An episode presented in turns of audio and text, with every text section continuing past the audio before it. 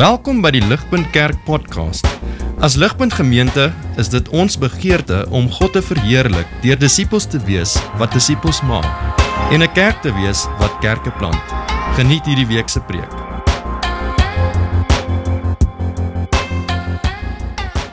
Vriende, ehm um, Niels het dit nou nou gebid. Lente is 'n wonderlike tyd. Lente is 'n unieke tyd in die jaar.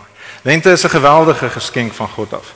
In ons huishouding is lente 'n groot ding.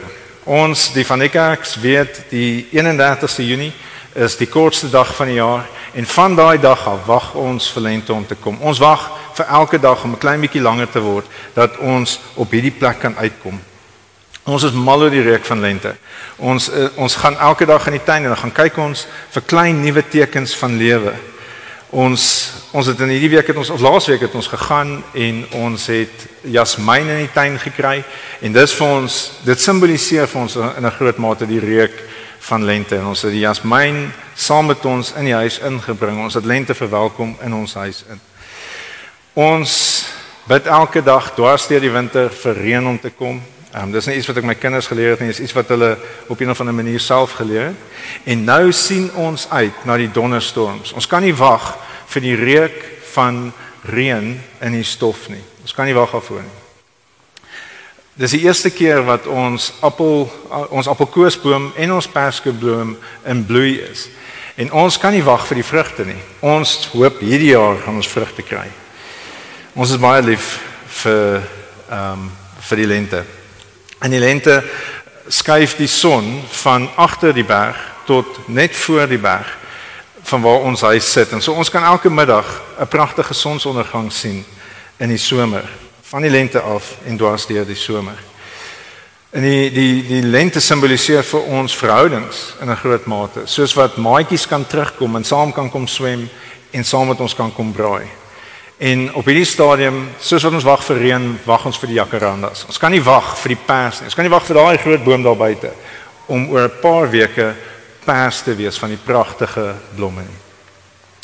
Nou, die een van die redes hoekom lente vir my so spesiaal is, is omdat lente vir my hoop bring. Lente gee vir my hoop op nuwe lewe. Ehm um, lente is iets wat onstopbaar is.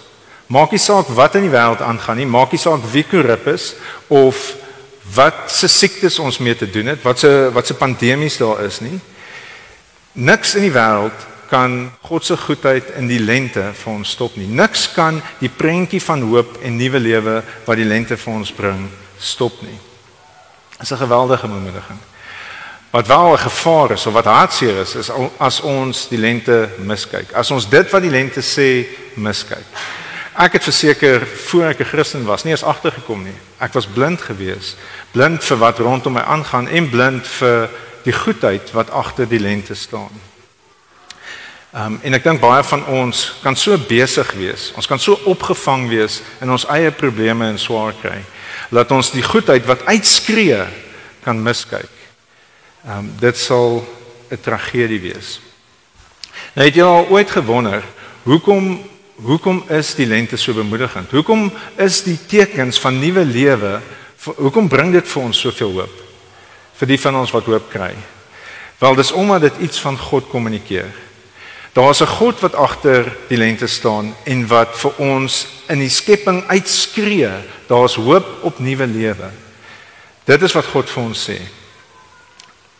God soos wat God nuwe lewe in die natuur inblaas, behoort ons te besef dat God nuwe lewe in ons kan inblaas. Daar's 'n hoop op nuwe lewe, daar's 'n hoop op nuwe dinge.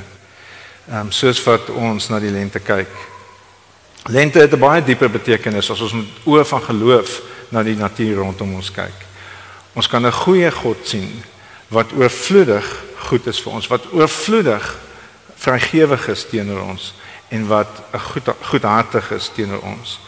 Vir ons sal dit 'n tragedie wees as ons Christene is om dit te mis. En soos wat ons na die lente kyk, wil ons en dankbaar is vir die lente, wil ons net stil staan en dink oor waarvoor ons moet dankbaar wees in die lewe. En wat is die doel van dankbaarheid? Ons het dit reeds genoem. Die doel van dankbaarheid is om 'n lewegewende verhouding te hê met die gewer van lewe. Ons het nodig om God agter die veelvuldige goedheid wat ons in die lewe ontvang raak te sien sodat ons hom kan waardeer vir wie hy is en kan lief wees vir hom. Dit is die doel van ehm um, van dankbaarheid. Nou vir die van julle wat hou van struktuur wat wat 'n bietjie van 'n framework nodig het, um, ek het dit verseker nodig om te weet waartoe ons op pad is. So die skrywer wil hê ons moet dankbaar wees. Hy skryf in vers 1, I give thanks to the Lord for he is good, his steadfast love endures forever. En dan herhaal hy in vier verskillende prentjies wat hy vir ons gee, dat ons moet dankbaar wees vir God se liefde en God se magtige werke. Vers 8, vers 15, vers 21 en vers 31 sê hy Let them thank the Lord for his steadfast love, for his wondrous works to the children of man. Nou in week 1 het Poen vir ons gewys uit Psalm 107 uit dat ons moet dankbaar wees. Die die geestelike dissipline van dankbaarheid verheerlik God. Dis wat ons in week 1 uit hierdie Psalm uitgesien het. En vandag gaan ons eenvoudig probeer sien hoe dankbaarheid moet lei tot 'n gesonde verhouding, tot 'n liefdevolle verhouding. En so hy wil hê, die skrywer wil hê ons moet dink. Dis wat hy wil hê. Hy wil hê ons moet stop en dink oor God se goedheid. Vers 43 sê whoever is wise, let him attend to these things. Let him consider the steadfast love of the Lord. Meer as blote dankbaarheid is nodig. Ons het nodig om te consider. Ons het nodig om te dink oor God se liefde. Die Afrikaans van van vers 43 is ehm um, is die volgende: Wie wys is, moet hiervan kennis neem. Ehm um, en nadink oor die troue liefde van die Here. Ons het nodig om te stop en na te dink oor die troue liefde van die Here wat oral rondom ons sigbaar is.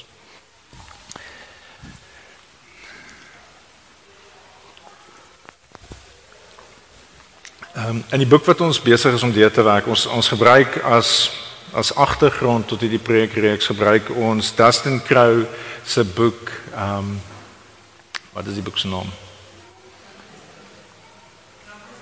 Grumbler's Guide to Gratitude. Um so in die boek gebruik hy 'n baie goeie voorbeeld om hierdie punt vir ons te maak. Hy gebruik die voorbeeld van um van iemand wat iemand se kinders oppas en dat dit dat dat sy verhouding met die kinderoppasser groei omdat hy dink oor waarvoor hy dankbaar is in die kinderoppasser. Ek gaan ek gaan probeer om dit te verduidelik um, om die, om die punt vir ons duidelik te maak. So, um, ons het 'n kinderoppasser wat ons kinders al vir ons kom oppas het. En dis nie dis nie iemand wat betaal word nie, dis iemand wat wat ons 'n guns doen om vir ons ons kinders te kom oppas. En die eerste keer wat sy gekom het, het um, ons so 2 ure na dit slaaptyd was daar aangekom. En al drie kinders en die kinderoppasser het met sulke dik gehuilde oë in 'n donker kamer op die vloer gesit. Ehm um, en sy het stil stil daar uitgegaan en ons het gedink dis die laaste keer. Ehm um, maar die volgende keer wat ons haar nodig gehad het, het sy weer gekom en sy het voorberei en sy plannetjies gehad. Ehm um, en sy het weer ons kinders opgepas. En ehm um, dit kan wees dat ons kan sê baie dankie, ons waardeer jou tyd. Ons waardeer jou tyd. Ehm um, en dit sal fyn wees. Maar ons sal uitmis op waartoe die dankbaarheid moet lei.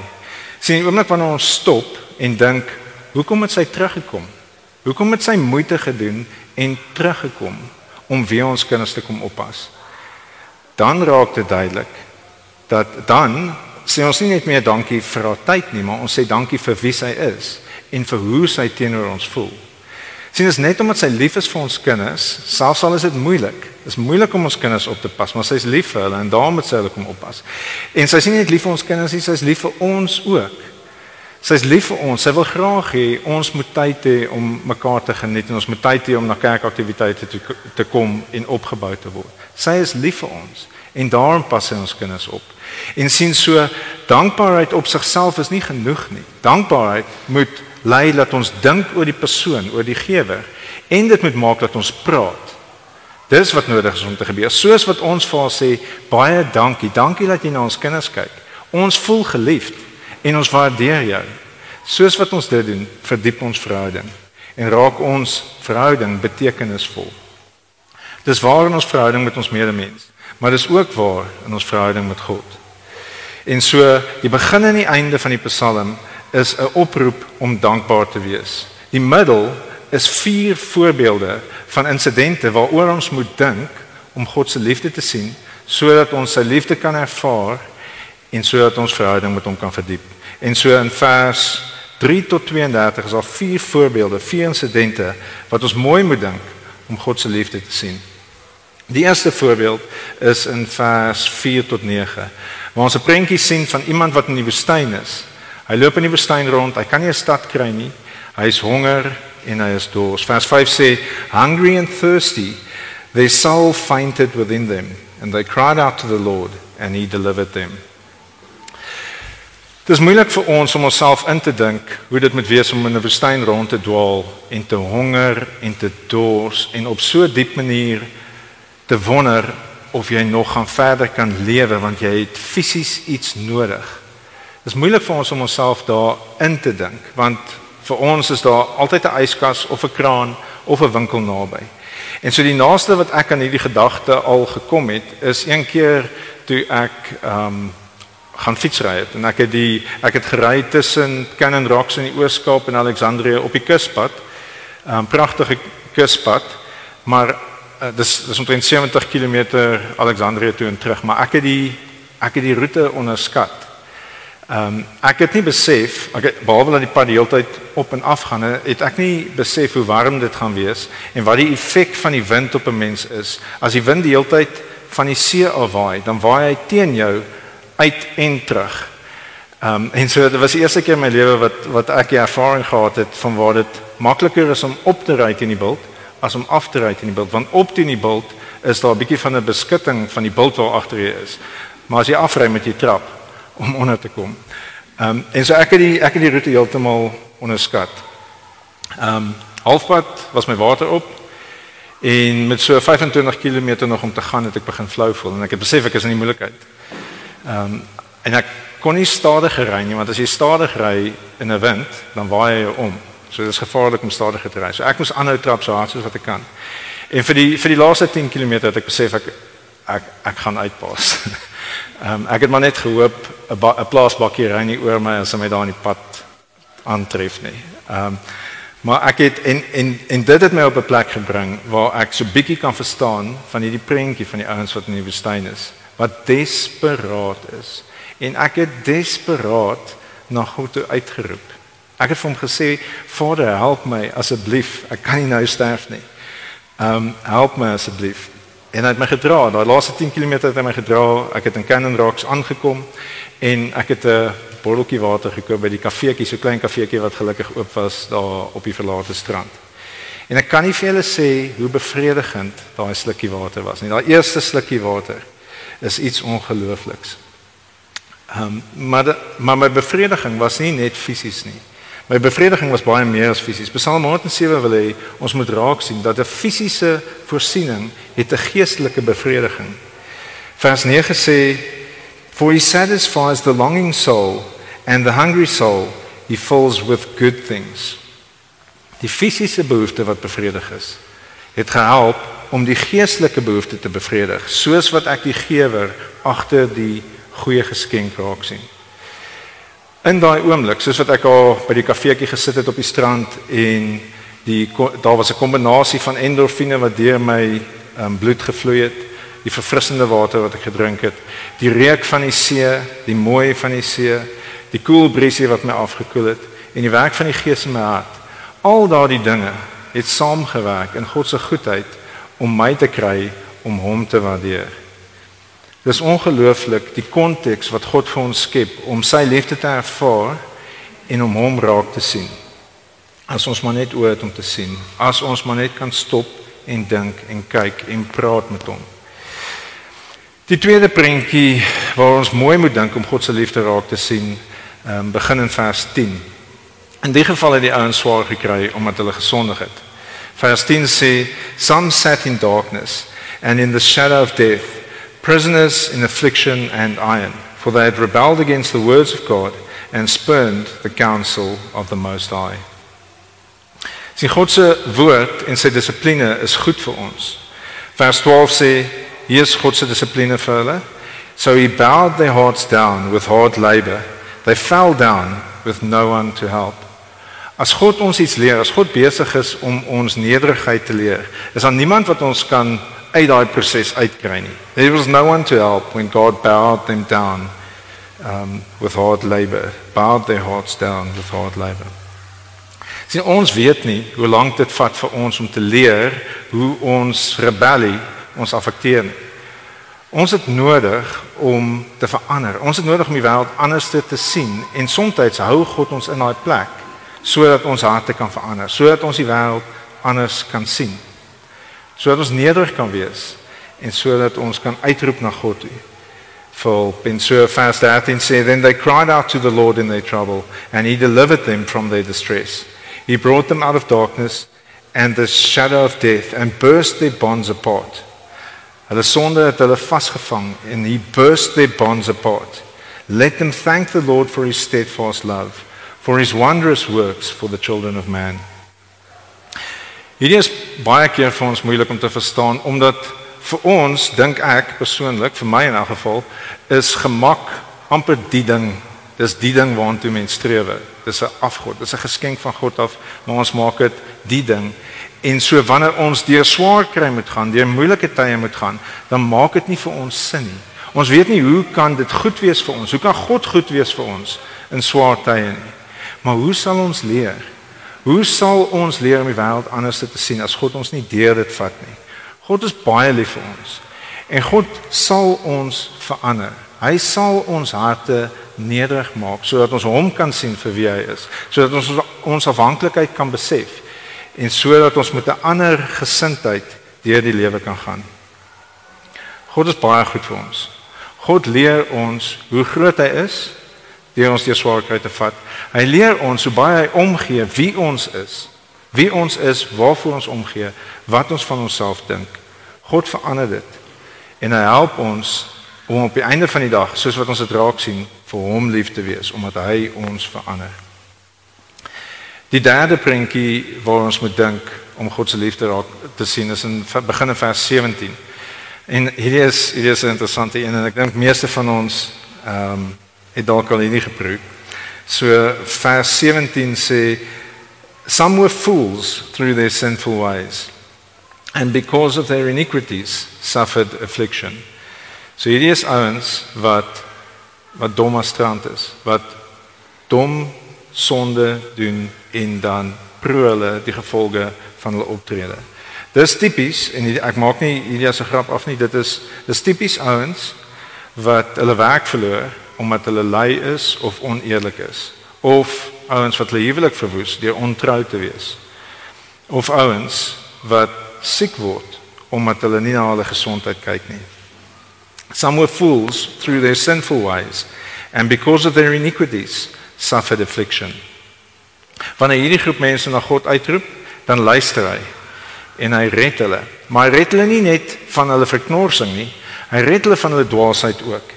En en kom ons kyk wat sê vers 20, hoe red hy hulle van hulle dwaasheid? Vers 20 sê he sent out his word and healed them and delivered them from their distress.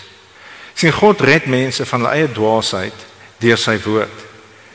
Hy red hulle deur hulle toe te laat om te proe dit wat die gevolge is van hulle dom sondige optrede en hy red hulle deur sy woord na hulle toe te bring en hulle te help om onder sy woord se heerskappy te lewe. So genees hy hulle.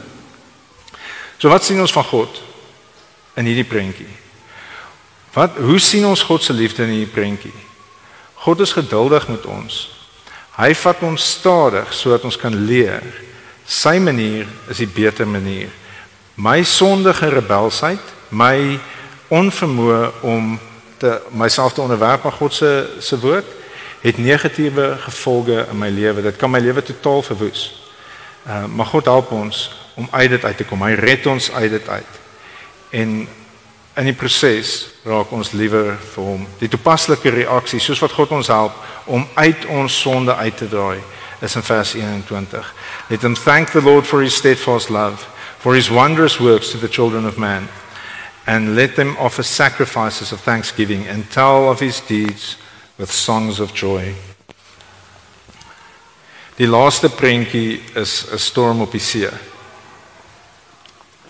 In hierdie prentjie is daar is daar geen tekens ehm um, dat die ouens gesondig het nie en daar's ook nie tekens dat hulle dwaas was nie. Hulle het eenvoudig gaan werk. Die ouens is ouens wat op skepe gewerk het en hulle het gaan werk. En ehm um, dan openbaar God sy mag aan hulle. In sy goedheid en in sy liefde openbaar sy mag aan hulle. Kom ons lees ehm um, van vers 23 af. Dis 'n kragtige prentjie van hoe God sy mag aan hulle openbaar. Some went down to the to the sea in ships, doing business on the great waters. They saw the deeds of the Lord, his wondrous works in the deep. For he commanded and raised the stormy wind, which lifted the waves of the sea. They mounted up to heaven. They went down to the depths. Their courage melted away in their evil plight. They reeled and staggered like drunken men and were at their wits' end. Die Afrikaans van vers 27 is hulle het rondgeslinger en gestyer soos 'n dronk mens. Al hulle vernuf was waardeloos. So ek weet nie of enige van julle al 'n storm in die lewe beleef het wat nie aan jou toedoen was nie. Ehm um, hierso is 'n prentjie van dit. Dis hoe dit hierso dit voel. Ehm um, en God bring ons by ons einde.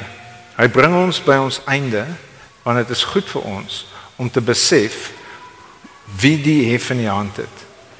Baie keer wanneer dit met ons goed gaan, kan ons kan ons en, en ek weet nie wie van julle dit al beleef het nie, maar wanneer dit met ons goed gaan, raak ons self voldaan, voldaan. Ons dink ons het meer beheer oor die lewe en ons mis God se goedheid vir ons baie maklik. Maar soos wat ons deur die storms van die lewe gaan, dan besef ons God hou die die wêreld in die palm van sy hand vas. En die storms is bloot iets wat ons help om hom te waardeer, om veilig te voel in sy teenwoordigheid en om sy liefde te ken. Ehm um, soos wat hierdie ouens deur die lewe gegaan het en en gesukkel het op die skepe, het hulle uitgeroep na God toe. Vers 28 Then they cried out to the Lord in their distress and he delivered them. He made the storm be still and the waves of the sea he hushed. Then they were glad that the waters were quiet and he brought them to their desired haven. Let them thank the Lord for his steadfast love, for the wondrous works of the children of man, for the children of man. Let them extol him in the congregation of the people and praise him in the assembly of elders. Ons verstaan eers wie God is. Ons verstaan eers werklik wie God is wanneer ons hom in die storms van die lewe sien en sy spiere bult so bietjie. Dis wanneer ons verstaan wie God is. Dis ons sien God op verskeie plekke, maar hierdie is 'n besonderse manier hoe ons God kan sien. In hierdie week het ons by iemand gaan kuier wie 'n werklike storm beleef, 'n vreesaanjaende storm beleef. Ehm um, drie van ons het by die persoon gaan kuier en ons het met trane in ons oë geluister na die storm waardeur hy gaan. Wat vir ons verstommend was in in daardie scenario is hoe duidelik die persoon God se liefde kan sien en hoe hy daarvan kan getuig. Um, God het nog glad nie sy storm laat bedaar nie en om eerlik te wees, menslik gesproke, is dit baie maklik om hopeloos te wees in so 'n situasie. Maar die persoon het vir ons die Bybel uitgehaal, hy het sy foon uitgehaal en hy het vir ons Filippense 4 gelees om ons te bemoedig wat met ons trane in ons oë daar gesit het. Hy het vir ons gesê hierdie vrede wat alle verstand te bowe gaan, ek ken dit en ek ken Jesus se teenwoordigheid tasbaar. Die van ons wat God se liefde op so 'n manier in sy lewe gesien het, sy lewe is totaal verander. Ons liefde vir God is aangevuur omdat ons sy liefde vir God gesien het. Ons geloof in God is versterk omdat God so kragtig in sy lewe werk. En so die in die slot van hierdie van hierdie Psalm in vers 33 tot 43 ehm um, maak die skrywer die punt baie duidelik as dit in die tyd nog nie duidelik is nie. God gebruik wonderdade om sy mense te red. Hy red hulle van hulle self. Hy dra, hy gebruik die wonderdade om ons harte na hom toe te draai. God is God. God is regverdig en hierdie is baie interessant. God is aktief betrokke in sy wêreld. Hy is in die kleinste detail van sy wêreld betrokke en is hy besig om goed vir ons te wees. Daar's nie 'n pandemie of korrupsie of 'n gebroke verhouding wat nie onder God se beheer is nie. Daar is niks wat wat God nie besig is om ten goeie vir ons te laat meewerk nie. En hier is die punt van die Psalm. Op die ou einde sien die wyses God se hand raak en hulle ervaar sy liefde en hulle vertel van sy liefde. Kom ons lees die beskrywing ehm um, van hoe God in sy wêreld funksioneer van vers 33 af. He turns rivers into a desert, springs of water into thirsty ground, a fruitful land into a salty waste because of the evil of the inhabitants. He turns a desert into pools of water, a parched land into springs of water, and there lets the hungry dwell. And they establish a city to live in. They sow fields and plant vineyards and get a fruitful yield. By his blessing, they multiply greatly, and he does not let their livestock diminish. Aan die begin het die ouens gesoek na 'n stad. Hierso het God vir hulle 'n stad opgerig. Vers 36 sê hy God het in sy liefde 'n stad tot stand gebring vir die mense om in te floreer. En so kom ons stop vir 'n oomblik en dink oor ons stad. Wie van ons het al ooit gedink aan Pretoria as 'n simbool van God se goedheid? 'n Stad wat God tot stand gebring het sodat ons nie deur 'n woestyn op 'n gevaarlike plek hoef te wees nie, maar 'n omgewing waar binne ons kan floreer. God het hierdie stad tot stand gebring dat ons sy mense kan floreer en ons mis dit. Ons mis uit wanneer ons God se goedheid vir ons mis. Ons mis God se goedheid in die klein goedjies. Die feit dat ons kan kos koop, is 'n geweldige geskenk van God. Die feit dat ons 'n veilige omgewing het om kultuur te kan geniet en vriende te kan geniet en kerk in te kan hou.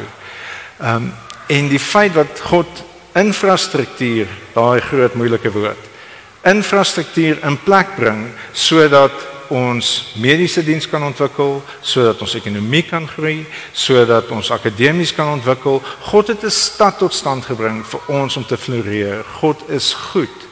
Ons het gesing van God se goedheid, maar ons mis dit want ons dink nie soos wat ons na die wêreld kyk en ons besef nie dat God goed is vir ons nie. God is by die kleinste detail en in die in die grootste kompleksiteit in ons lewe aktief betrokke. Kom ons vat dit net een stapie verder. Het jy al ooit gedink as ons dink in 'n stad soos Pretoria waar ons kos kan kry, hoekom is kos lekker? Hoekom bevredig kos ons? Hoekom geniet ons dit en dis goed vir ons? En nie net kos nie, hoekom is sport goed vir ons, en musiek en om nuwe goedes te leer en verhoudings en slaap en die natuur? Hoekom is dit goed vir ons? En hoekom is dit lekker? Want God is goed. God is goed vir ons want hy het 'n wêreld geskep wat ons kan geniet. En al daai goedes, ons is gemaak vir vreugde en vreugde in God. Ons is gemaak om die lewe te geniet omdat ons 'n verhouding met God geniet. Die tragedie is wanneer ons al daai goeie goedes geniet of kwaad is as ons dit nie het nie. Maar die gewer van daai goeie goedes miskyk en nie vir hom dankie sê nie en nie vir ander van hom vertel nie. Die verskil tussen 'n Christen en 'n nie-Christen in 'n baie groot mate is dat God ons oë oopmaak vir sy goedheid. Jesus het aan die kruis vir ons sondes gesterwe sodat sonde ons nie meer sal terughou nie. Sodat ons oë kan oop wees om God se goedheid raak te sien. En die grootste prys wat ons kry is God self. God ons het God self gekry. Dit is wat God vir ons gegee het. Ons kry hom en as ons hom mis, mis ons die doel van die lewe. Ons moet nie laat pyn of swaar kry ons oë toemaak vir God se goedheid nie. Ons moet juis laat pyn en swaar kry en frustrasie ons na God toe dryf. Want by God is daar vir ons sielerus en by hom is daar vir ons hoop. By hom is daar ware hoop en nuwe lewe. En so ek sluit vir ons af. Lente is 'n goeie tyd om God toe te laat om nuwe lewe in jou lewe in te blaas. Lente is 'n goeie tyd. Dis 'n goeie tyd om vroeg op te staan. Dis 'n lekker tyd om vroeg op te staan want dis nie so koud nie, dis nie so donker nie. Ehm um, en so is 'n lekker tyd om tyd in God se woord te spandeer. En dis 'n lekker tyd om rustig te raak en te reflekteer om jou hart voor God uit te stort, om vir hom te sê waaroor as jy bekommerd, waarmee jy sukkel. Wat is dit wat hy jou mee moet help? En om hom te vra om ons te help om goeders raak te sien, om nie net die swaar kry raak te sien nie, maar die les agter die swaar kry raak te sien en al die ander goeie goeders raak te sien. Die lente is 'n goeie tyd want God se goedheid is duidelik sigbaar rondom ons. En ek dink ek dink meeste van ons besef ons is nie baie goed om te rus nie. Ons is oorwerk, ons is oormoeg. Johan het laas vir ons gesê ons kan nie die goedes reg kry nie. Die boek sê ehm um, want ons is busyness en distraction is die twee goedes wat ons doodmaak. En so ons het daaglikse ritmes nodig waar ons stop en met God praat, met hom ontmoet en vir hom dankie sê sodat hy ons kan help om ons liefde vir hom te in ons liefde vir hom te groei en sy liefde vir ons te ervaar. Ons het daaglikse ritmes nodig en ons ons volgende reeks te loops waarna ons gaan kyk is 'n reeks oor Sabbat. Sabbat is 'n geskenk van God af. Sabbat is iets wat ons nodig het, weeklikse ritmes waar ons stop en rus. Daai twee goed is die eerste twee elemente van Sabbat, stop en rus. En ons kan dit nie doen nie want ons geloof is nie in God nie. Ons geloof is in ander goedes en so ons kry nie reg om te stop nie. Ehm um, ons het nodig om te stop. Ons het nodig om te rus. Dit is 'n geskenk van God af. Ons het nodig om te delight. Die die derde element van Sabbatsrus is om God se goedheid te geniet. 'n Weeklikse ritme van waar ons tyd vat om God se goedheid te geniet. En die vierde element van Sabbat is om te kontempleer, om te dink, om te dink waarmee is God besig en waarmee waarna toe is hy besig om my te roep. Ons gaan ons gaan tyd spandeer op Sabbat. Maar kom ons kom ons mors nie die lente nie. Kom ons sien God se goedheid raak. Hierdie week kan ons as ons hier uitstap kan ons sien daai akkerboom is vol blare. Daai akkerboom aan die regterkant se blare het nog net begin uitkom. As ons volgende week terugkom, gaan daai akkerboom gaan vol blare wees. Laat dit ons herinner dat God is agter daai nuwe lewe. God kan nuwe lewe in ons inblaas. Ons moet na hom toe kom en dit by hom kom ontvang. Ons moet na hom toe kom met hom praat en dink oor sy goedheid sodat ons harte kan oorloop van sy goedheid. Kom ons bid saam. Whoever is wise, let them attend to these things. Let them consider the steadfast love of the Lord. Vader, U is ongelooflik goed vir ons. Ons ons gaan daagliks amper totaal blind deur die lewe want ons sien nie u hand raak nie. Ons bely dat ons dat ons toelaat dat die dat die probleme van die lewe ons gedagtes en ons harte baie keer oorheers. En so Vader, ons wil by u pleit, help ons om u te sien.